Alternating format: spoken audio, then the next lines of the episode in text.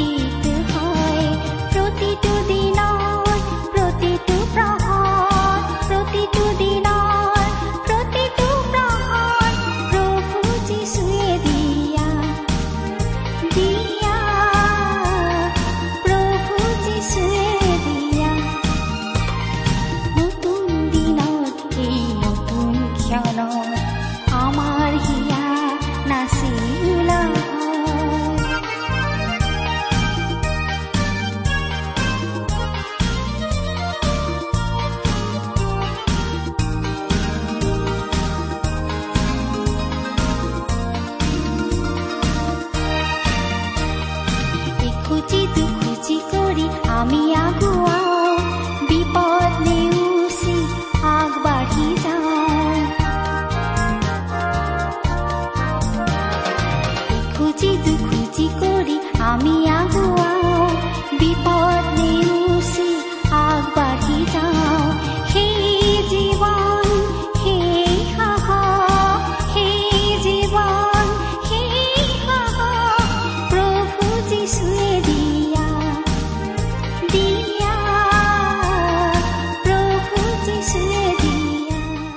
আমাৰ পৰম পবিত্ৰ প্ৰভু যীশুখ্ৰীষ্টৰ নামত নমস্কাৰ প্ৰিয় শ্ৰোতা। আশা কৰো মহান পিতা পৰমেশ্বৰৰ মহান অনুগ্ৰহত আপুনি ভালে কুশলে আছে। আপুনি বাৰু আমাৰ এই ভক্তিবচন অনুষ্ঠানটো নিয়মিতভাৱে শুনি আছেনে? শুনি কেনে পাইছে আমালৈ চিঠি লিখি জনাবচোন। আহকচোন আজিৰ বাইবেল অধ্যয়ন আৰম্ভ কৰাৰ আগতে খন্তেক প্ৰাৰ্থনাত মূৰ দুৱাওঁ। স্বৰ্গত থকা অসীম দয়ালু পিতৃ ঈশ্বৰ তোমাৰ মহান নামৰ ধন্যবাদ কৰো। তুমি সৰ্বশক্তিমান সৰ্বব্যাপী সৰ্বজ্ঞানী ঈশ্বৰ হৈও আমাৰ দৰে ক্ষুদ্ৰ মানৱক যে ইমান প্ৰেম কৰা সেই কথা ভাবিলেই আচৰিত হওঁ। তুমি আমাক ইমানেই প্ৰেম কৰিলা যে আমাক পৰিত্ৰাণ দিবলৈ তুমি তোমাৰ একেজাত পুত্ৰ যীশুখ্ৰীষ্টকেই আমালৈ দান কৰিলা। তেওঁ ক্ৰুচত নিজৰ পবিত্ৰ তেজেৰে আমাৰ পাপৰ প্ৰাচিত্য কৰিলে। আজি তেওঁত বিশ্বাস কৰি আমি অনন্ত জীৱন লাভ কৰি তোমাক পিতৃ বুলি মাতিব পৰা হৈছো। তাৰ বাবে তোমাক অশেষ ধন্যবাদ পিতা। এতিয়া আমি তোমাৰ মহান বাক্য বাইবেল শাস্ত্ৰ অধ্যয়ন কৰিবলৈ ওলাইছো প্ৰাৰ্থনা কৰিছো। তোমাৰ বাক্য তুমিয়েই আমাক বুজাই দিয়া। এই অনুষ্ঠান শুনি থকা আমাৰ মৰমৰ শ্ৰোতাসকলক তুমি উপচি পৰাকৈ আশীৰ্বাদ কৰা। কিয়নো এই প্ৰাৰ্থনা আমাৰ মহান ত্ৰাণকৰ্তা মৃত্যুঞ্জয় প্ৰভু যীশুখ্ৰীষ্টৰ নামত আগবঢ়াইছো।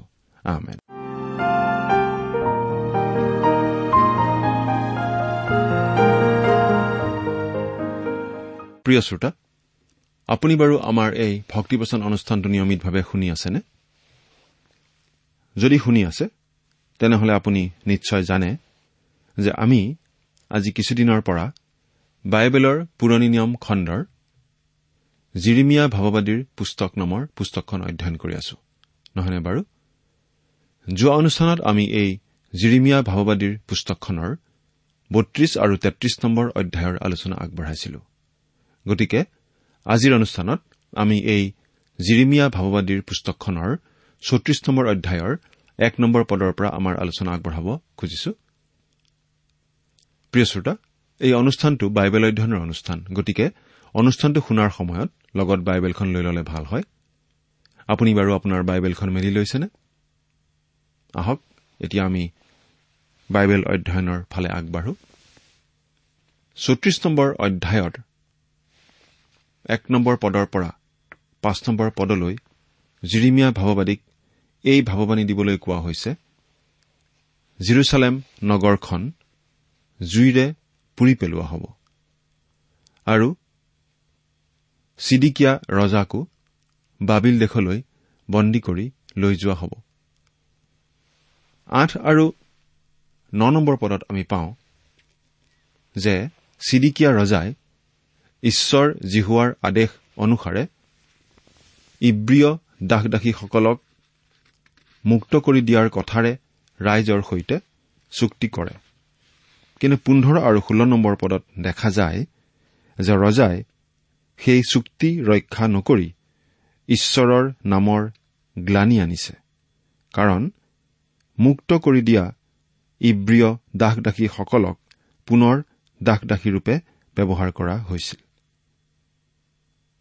ঈশ্বৰ জিহুৱাৰ এই চুক্তি তেওঁলোকে ভংগ কৰাৰ কাৰণে তেওঁলোকৰ ওপৰত ঈশ্বৰে পুনৰ সুধবিচাৰ ঘোষণা কৰিছে। ৰজা প্ৰজা ৰাজকুমাৰ আৰু এনেকি পুৰোহিতসকলেও এই চুক্তি ভংগ কৰিছে। আৰু সকলোৱেই ঈশ্বৰৰ সুধবিচাৰৰ সন্মুখীন হ'বলগীয়া হৈছে। আগতে কৈ অহাৰ দৰে পঁয়ত্ৰিশ নম্বৰ অধ্যায়ত আমি ৰেখবিয়াসকলৰ বিষয়ে পঢ়িবলৈ পাওঁ। তেওঁলোকো ঈশ্বৰ বিশ্বাসকাৰীসকলৰ মাজৰেই এক অংশ আছিল। ঈশ্বৰৰ সৈতে সম্বন্ধ অটুট ৰখাত এওঁলোক সমূহ জাতিটোৰ মাজতেই সম্পূৰ্ণ বেলেগ আছিল। এওঁলোকৰ বিষয়ে উল্লেখ কৰি প্ৰভুৱে আচলতে দেখুৱাইছে যে পৃথিৱীত সদায়েই এনে অৱশিষ্ট লোক থাকে যিসকল সদায়েই প্ৰভুৰ সৈতে সান্নিধ্য ৰাখি চলে। প্ৰভুক প্ৰেম কৰে তেওঁৰ পূজা অটুট ৰাখে আৰু তেওঁৰ আদেশ নিৰ্দেশৰ দৰে জীৱন আচৰণ কৰি তেওঁৰ কাম কৰে। এই কথাই আমাক প্ৰকাশিত বাক্য পুস্তকৰ সেই এক লাখ চৌৰাল্লিছ হাজাৰজন বিশ্বাসী ভক্ত বিশ্বাসকাৰী দলটোৰ কথালৈ মনত পেলাই দিয়ে যি দলটিয়ে মহাক্লেশৰ মাজতো তেওঁলোকৰ বিশ্বাসৰ জীৱনত স্থিৰ হৈ থাকিব পাৰে। এই ৰেখবীয়সকলে তেওঁলোকৰ পূৰ্বপুৰুষসকলৰ ঐশ্বৰিক আদেশ নিৰ্দেশ অনুসাৰে কেতিয়াও সুৰা বা মদ্যপান কৰা নাই আৰু কেতিয়াও নকৰিব। তেওঁলোক তেওঁলোকৰ ঈশ্বৰ বিশ্বাসৰ জীৱনত বৰ বিশ্বাসী হৈ আছিল। সেয়ে তেওঁলোকক আশীৰ্বাদ কৰি ঈশ্বৰে যীহুদাৰ আন লোকসকলৰ ওপৰত সুধবিচাৰ ঘোষণা কৰিছে। এই বিষয়ে আমি পঁয়ত্ৰিশ নম্বৰ অধ্যায়ৰ অৱশিষ্ট অংশত পাওঁ। ছয়ত্ৰিশ নম্বৰ অধ্যায়ত আমি জিহুৱাখিন ৰজাক এগৰাকী যধামূৰ্খ ৰজাস্বৰূপে পাওঁ। ক্ষমতাৰ সীমা চেৰাই গৈ ঈশ্বৰৰ বচনৰ পুস্তক জুইলৈ দলিয়াই পেলোৱাৰ নিচিনা ভয়ানক আৰু ঈশ্বৰৰ ক্ৰোধ চপাই লোৱা ঘৃণনীয় কাৰ্য এই ৰজাজনে কৰিছিল। তেওঁ ঈশ্বৰৰ বচন ঘীন কৰিছিল বিশ্বাস কৰা নাছিল। আৰু তাৰ বিৰোধিতা কৰিছিল। প্ৰিয় শ্ৰোতা এতিয়া অলপ চাওঁ যে আমাৰ মাজতো আধুনিক জিহুৱাখিনসকল আছে নে নাই। ঈশ্বৰৰ বচন বাইবেল থাকিও যিসকল খ্ৰীষ্টীয় লোকে বাইবেল নপঢ়ে ধ্যান অধ্যয়ন নকৰে তেওঁলোকো জিহুৱাখিন ৰজাৰ শ্ৰেণীত নপৰিবনে? কাৰণ বাইবেলখন জুইত পুৰি পেলোৱা আৰু ধোঁৱা চাঙত তুলি থোৱাৰ মাজত বিশেষ একো পাৰ্থক্য নাই। আপুনি কাৰ শ্ৰেণীত পৰে ভাবি চাবচোন প্ৰিয় শ্ৰোতা। এতিয়া আমি বাইবেলৰ পৰা পাঠ কৰি যাব খুজিছো। প্ৰথমতে পাঠ কৰি দিম চৌত্ৰিশ নম্বৰ অধ্যায়ৰ এক নম্বৰ পদৰ পৰা পাঁচ নম্বৰ পদলৈকে। বাবিলৰ ৰজা নবুখত নেচৰ তেওঁৰ সৈন্য সামন্ত তেওঁৰ অধীনে থকা পৃথিৱীৰ সকলো ৰাজ্যবোৰ আৰু সকলো জাতিবিলাকে জিৰচালেম আৰু তাৰ আটাই নগৰৰ বিৰুদ্ধে যুদ্ধ কৰা সময়ত জিৰিমিয়াৰ ওচৰলৈ জিহুৱাৰ পৰা এই বাক্য আহিল বোলে ইছৰাইলৰ ঈশ্বৰ জিহুৱাই এই কথা কৈছে। তুমি যোৱা আৰু জিহুদাৰ ৰজা চিডিকিয়াৰ লগত কথা হৈ তেওঁক কোৱা। জিহুৱাই এইদৰে কৈছে চোৱা মই বাবিলৰ ৰজাৰ হাতত এই নগৰ সমৰ্পণ কৰিম আৰু তেওঁ তাক জুইৰে দগ্ধ কৰিব। আৰু তুমি তেওঁৰ হাতৰ পৰা ৰক্ষা নাপাবা কিন্তু নিশ্চয় ধৰা পৰি তেওঁৰ হাতত সমৰ্পিত হবা।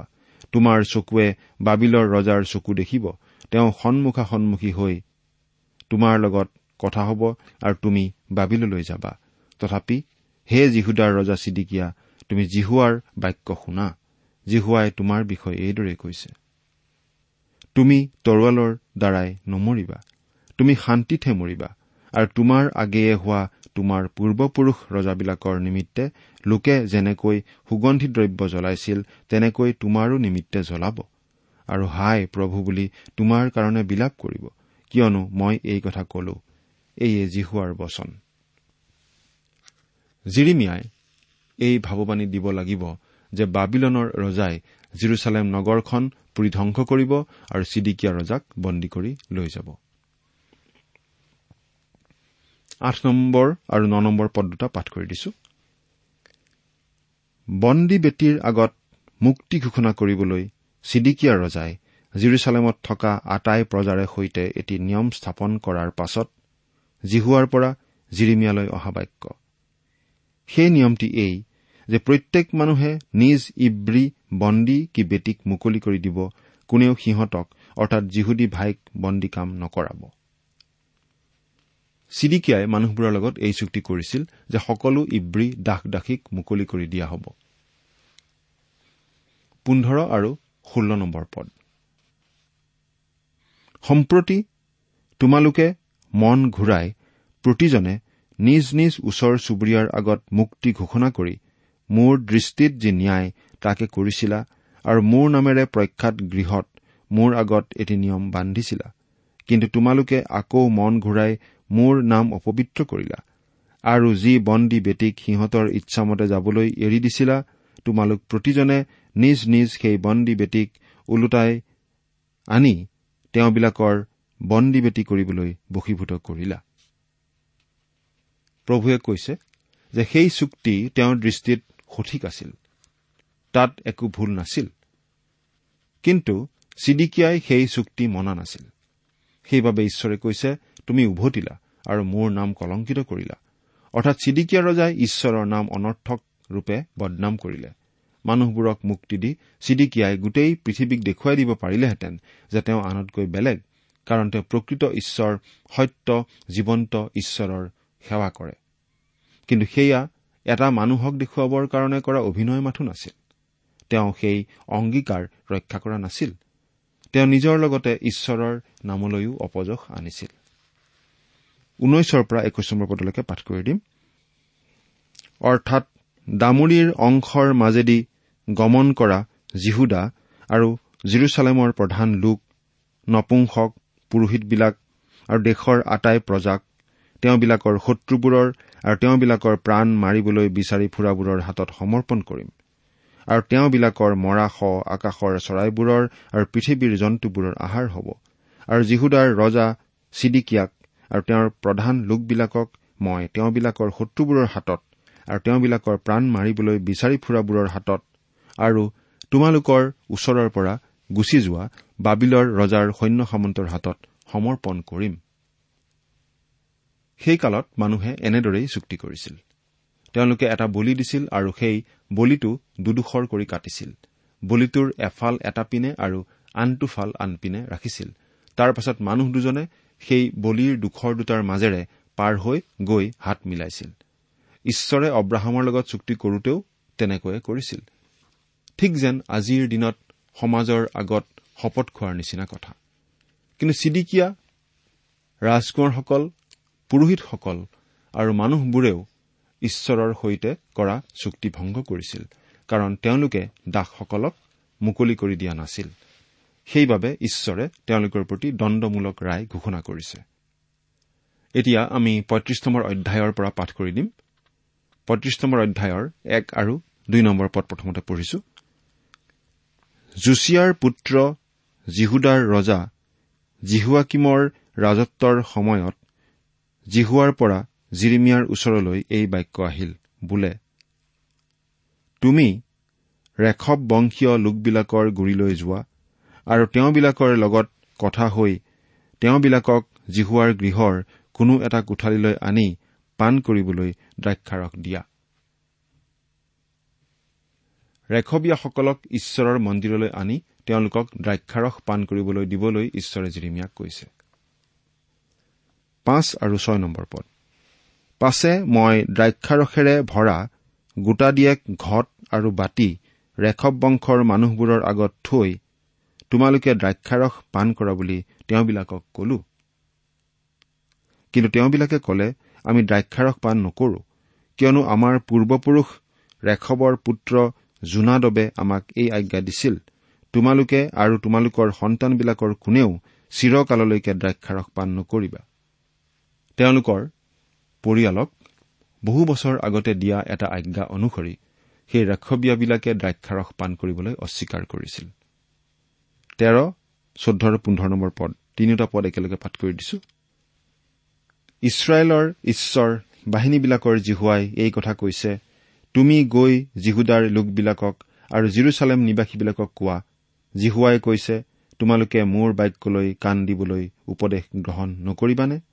ৰেখৱৰ পুত্ৰ জোনাদবে দ্ৰাক্ষাৰস পান নকৰিবলৈ তেওঁৰ সন্তানবিলাকক যি বাক্যেৰে আজ্ঞা কৰিছিল তেওঁৰ সেই বাক্য সিদ্ধ হল।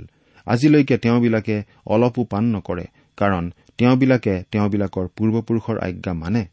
কিন্তু মই অতি প্ৰভাতে উঠি তোমালোকক কৈ কৈ আছো তথাপি তোমালোকে মোৰ বাক্য নামানা। মই মোৰ আটাই দাস ভাৱবাদীবিলাকক তোমালোকৰ ওচৰলৈ পঠাই আছো আৰু প্ৰভাতে উঠি তেওঁবিলাকক পঠাই তোমালোকক কোৱাইছো তোমালোকে এতিয়া নিজ নিজ কুপথৰ পৰা ঘূৰি নিজ নিজ আচাৰ ব্যৱহাৰ শুদ্ধ কৰা। আৰু ইতৰ দেৱতাবোৰক সেৱা পূজা কৰিবৰ অৰ্থে সেইবোৰৰ পাছত যাওঁতা নহবা। তাতে তোমালোকক আৰু তোমালোকৰ পূৰ্বপুৰুষবিলাকক মই দিয়া দেশত তোমালোকে বাস কৰিবা। কিন্তু তোমালোকে কাণ কৰা নাই আৰু মোৰ বাক্যলৈ মনকো দিয়া নাই। ঈশ্বৰে এই ৰেখবীয়াবিলাকৰ লগত জিহুদাৰ লোকবোৰৰ তুলনা কৰিছে। ৰেখবীয়াবিলাকে তেওঁলোকৰ জাগতিক পিতৃসকলে দিয়া আজ্ঞা পালন কৰিছে। আনহাতে জিহুদাৰ সন্তানবোৰে স্বৰ্গত থকা পিতৃ ঈশ্বৰৰ আজ্ঞা অৱজ্ঞা কৰি চলিছে। সেইবাবে ঈশ্বৰে জিহুদাৰ সন্তানবোৰলৈ অভিশাপ দিছে আৰু ৰেখবিয়া বিলাকলৈ আশীৰ্বাদ ঘোষণা কৰিছে। এতিয়া আমি ষোল্ল নম্বৰ পদৰ পৰা অধ্যায়টোৰ একেবাৰে শেষৰ পদলৈকে পাঠ কৰি দিম। শুনিবচোন। চোৱা ৰেখবৰ পুত্ৰ জোনাদবৰ সন্তানবিলাকে তেওঁবিলাকক দিয়া তেওঁবিলাকৰ পূৰ্বপুৰুষৰ আজ্ঞা পালন কৰি আহিছে কিন্তু এই জাতিয়ে মোলৈ কাণ দিয়া নাই। এই হেতুকে বাহিনীবিলাকৰ ঈশ্বৰ ইছৰাইলৰ ঈশ্বৰ জিহুৱাই এই কথা কৈছে চোৱা জিহুদা আৰু জিৰচালেম নিবাসীবিলাকৰ অহিতে মই কোৱা আটাই অমংগলৰ কথা তেওঁবিলাকলৈ ঘটাম। কিয়নো মই তেওঁবিলাকক কথা কলত তেওঁবিলাকে নুশুনিলে আৰু তেওঁবিলাকক মাতিলত তেওঁবিলাকে উত্তৰ নিদিলে। পাছে জিৰিমিয়াই ৰেখবিয়া বংশক কলে ইছৰাইলৰ ঈশ্বৰ বাহিনীবিলাকৰ জিহুৱাই এই কথা কৈছে যে তোমালোকে তোমালোকৰ পূৰ্বপুৰুষ জোনাদবৰ আজ্ঞালৈ মনোযোগ কৰি তেওঁৰ সকলো আদেশ পালন কৰিছা। আৰু তেওঁ তোমালোকক দিয়া আটাই আজ্ঞা অনুসাৰে কাৰ্য কৰিছা। এই নিমিত্তে ইছৰাইলৰ ঈশ্বৰ বাহিনীবিলাকৰ জিহুৱাই এই কথা কৈছে মোৰ আগত চিৰকাল থিয় হবৰ নিমিত্তে ৰেখৱৰ পুত্ৰ জোনাদবৰ বংশৰ কোনো মানুহৰ অভাৱ নহব। এয়া সঁচাকৈ তেওঁলোকৰ বাবে বৰ ডাঙৰ আশীৰ্বাদ। বাধ্যতাৰ ফলত লাভ কৰা আশীৰ্বাদ।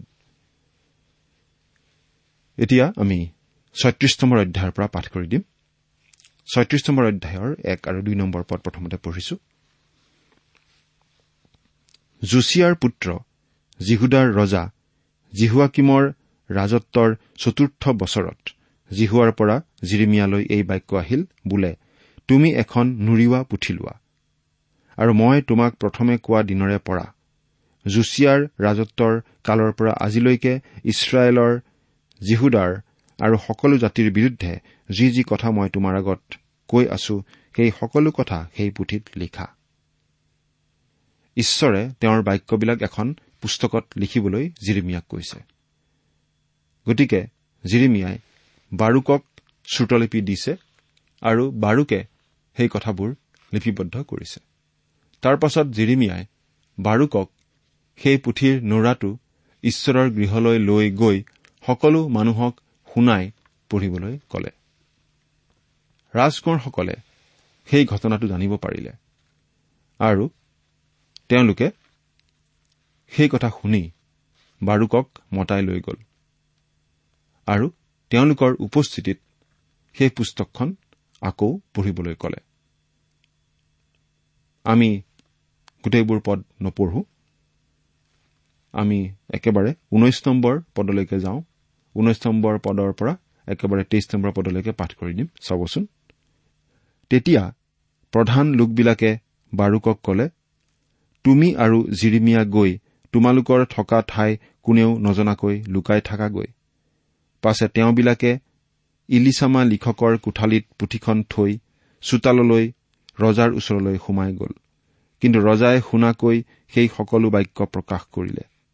তাতে ৰজাই পুথিখন আনিবলৈ জিহুদীক পঠালত জিহুদীয়ে ইলিচামা লিখকৰ কোঠালিৰ পৰা তাক আনিলে।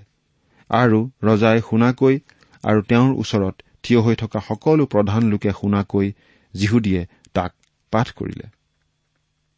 সেই সময়ত ৰজাই নৱম মাহত জাৰকালি থকা ঘৰত বহি আছিল আৰু তেওঁৰ আগত চিফাইট জুই জ্বলি আছিল। পাছে জিহুদীয়ে পৃষ্ঠাৰ তিনি চাৰি অংশ পাঠ কৰাৰ পাছতে ৰজাই লিখকৰ কলম কটা কটাৰীৰে তাক কাটি সেই টিফাইৰ জুইত পেলায়। এইদৰে গোটেই পুথিখন টিফাইৰ জুইত নষ্ট নোহোৱালৈকে তেওঁ কাটি কাটি পেলাই আছিল। জিহুৱা কিম ৰজাই ঈশ্বৰৰ বাক্যৰ বিষয়ে কেনেকুৱা মনোভাৱ ৰাখিছিল সেই কথা আমি ইয়াত অতি ভালদৰে বুজি পাইছো। তেওঁ সেই পুথিখন লৈ কাটি কাটি জুইত পেলাই দিছিল। সেই বাক্য সেই ঈশ্বৰৰ বাক্য তেওঁ গ্ৰহণ কৰা নাছিল। সেই বাক্য ঈশ্বৰৰ বাক্য বুলি তেওঁ বিশ্বাস কৰা নাছিল। সেই বাক্যলৈ তেওঁ অলপো কেৰেপ কৰা নাছিল। প্ৰিয় শ্ৰোতা আমি বাৰু ঈশ্বৰৰ বাক্য বাইবেল শাস্ত্ৰৰ প্ৰতি কেনে মনোভাৱ ৰাখিছো? আমি বাৰু গুৰুত্ব সহকাৰে বাইবেল পঢ়োনে? ঈশ্বৰৰ বাক্যক আমি বাৰু দিবলগীয়া সন্মান দিওঁনে? আচলতে বহুতো মানুহে বাইবেলখন সজাই থয়। কিছুমানৰ ঘৰত বাইবেলখনত ধূলি মাকতিৰ চামনি পৰে। তেওঁলোক সেই জিহুৱা কিম ৰজাতকৈ কোনো গুণে উন্নত নহয়। এতিয়া চৌব্বিছ নম্বৰ পদটো পঢ়ি দিম। সেই সকলো বাক্য শুনিও ৰজা আৰু মন্ত্ৰী কোনেও ভয় নকৰিলে বা নিজ নিজ বস্ত্ৰ নাফালিলে। তেওঁলোকে যি কাম কৰিলে তাৰ বাবে মনত একো অনুশোচনাৰ ভাৱ তেওঁলোকৰ অহা নাছিল। ভৱিষ্যতে তেওঁলোকলৈ তেওঁলোক থকা ঠাইলৈ অৰ্থাৎ জিৰচালেমলৈ যি অভিশাপ আহি আছে সেইবোৰ শুনিও তেওঁলোকে অলপো ভয় খোৱা নাছিল। ঈশ্বৰৰ বাক্য তেনেদৰে কাটি কাটি জুইত পেলাই দিও তেওঁলোকে অলপো ভয় খোৱা নাছিল। জিহুৱা কিমৰ সেই ব্যৱহাৰৰ পাছত ঈশ্বৰে জানো হাত সাৱটি বহি থাকিব। পঁচিছ নম্বৰ পদৰ পৰা আঠাইছ নম্বৰ পদলৈকে পঢ়ি দিছো। ইলনাথন দলায়া আৰু গমৰিয়াই পুথিখন নুপুৰিবলৈ ৰজাক বিনয় কৰিলে। তথাপি তেওঁ তেওঁবিলাকৰ কথা নুশুনিলে। পাছে ৰজাই জিৰহমেল কোঁৱৰক অজৰিয়েলৰ পুত্ৰ চৰায়াক অবদিয়েলৰ পুত্ৰ চেলেমিয়াক বাৰুক লিখক আৰু জিৰিমিয়া ভাওবাদীক ধৰিবলৈ আজ্ঞা কৰিলে। কিন্তু জিহুৱাই তেওঁবিলাকক লুকুৱাই থৈছিল।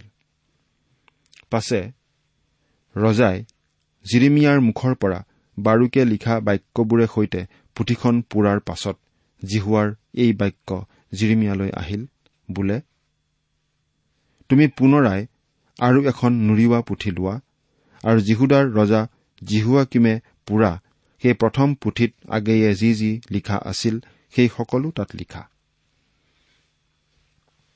ঈশ্বৰে জিৰিমিয়াক গোটেইখিনি আকৌ লিখিবলৈ কলে আৰু জিহুৱা কিমলৈ এটা বিশেষ বাৰ্তা পঠিয়াবলৈ কলে। ঊনত্ৰিশ নম্বৰ পদৰ পৰা ত্ৰিশ নম্বৰ পদলৈকে এতিয়া আমি পাঠ কৰি দিম। জিহুদাৰ ৰজা জিহুৱা কিমৰ বিষয়ে কোৱা জিহুৱাই এই কথা কৈছে যে বাবিলৰ ৰজাই অৱশ্যে আহি এই দেশ নষ্ট কৰিব আৰু ইয়াত পশু আৰু মানুহ নোহোৱা কৰিব। এনে কথা এই পুথিখনত কিয় লিখিছা? এই বুলি তুমি তাক পুৰিলা। এই হেতুকে জিহুদাৰ ৰজা জিহুৱা কিমৰ বিষয়ে জিহুৱাই এই কথা কৈছে যে ডায়ুদৰ সিংহাসনৰ ওপৰত বহিবলৈ তেওঁৰ কোনো নাথাকিব আৰু তেওঁৰ শৱ দিনত ৰ'দত আৰু ৰাতি নিয়ৰত পেলোৱা হৈ পৰি থাকিব। জিহুৱাকিমৰ ক্ষেত্ৰত সঁচাকৈয়ে এইটোৱেই ঘটিছিল। আজি জিহুৱাকিমৰ ঘৰত কোনো নাই ডায়ুদৰ সিংহাসনত বহিবলৈ। প্ৰভু যীশু আচলতে এই জিহুৱাকিমৰ বংশৰ পৰা উৎপন্ন হোৱা নাই। প্ৰভু যীশু প্ৰকৃততে মৰিয়মৰহে সন্তান।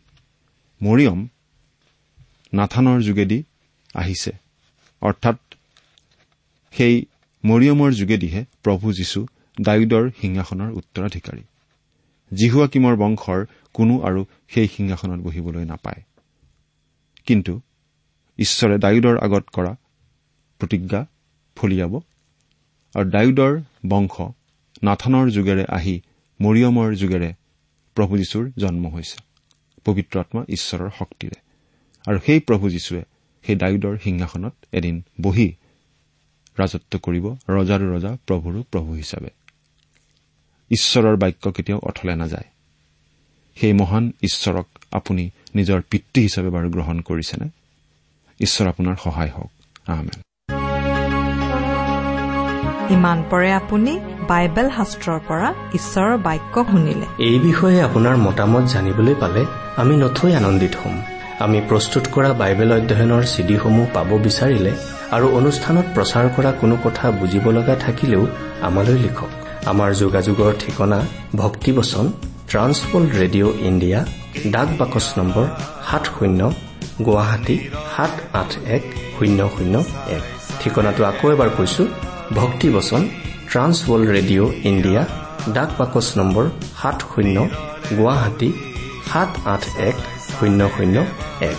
আমাৰ ইমেইল এড্ৰেছটো হৈছে Assamese T TV at the rate radio' eight eight two dot com আমাৰ website W W W dot T W R dot in আপুনি টেলিফোনৰ মাধ্যমেৰেও আমাক যোগাযোগ কৰিব পাৰে আমাৰ টেলিফোন নম্বৰটো হৈছে nine eight five four zero' four zero' eight eight nine phone নম্বৰটো আকৌ এবাৰ কৈছো ন আঠ পাঁচ চাৰি শূন্য চাৰি শূন্য আঠ আঠ ন আপুনি এই ভক্তিবচন অনুষ্ঠানটি আমাৰ website W W W dot radio' eight eight two dot কমতো শুনিব পাৰিব। আজিৰ অনুষ্ঠানটি ইমানতেই সামৰিছো। ঈশ্বৰৰ শান্তি আৰু অনুগ্ৰহ আপোনাৰ লগত থাকক। ধন্যবাদ। লক্ষ্যবিহীন সাৰথিবিহীন হয়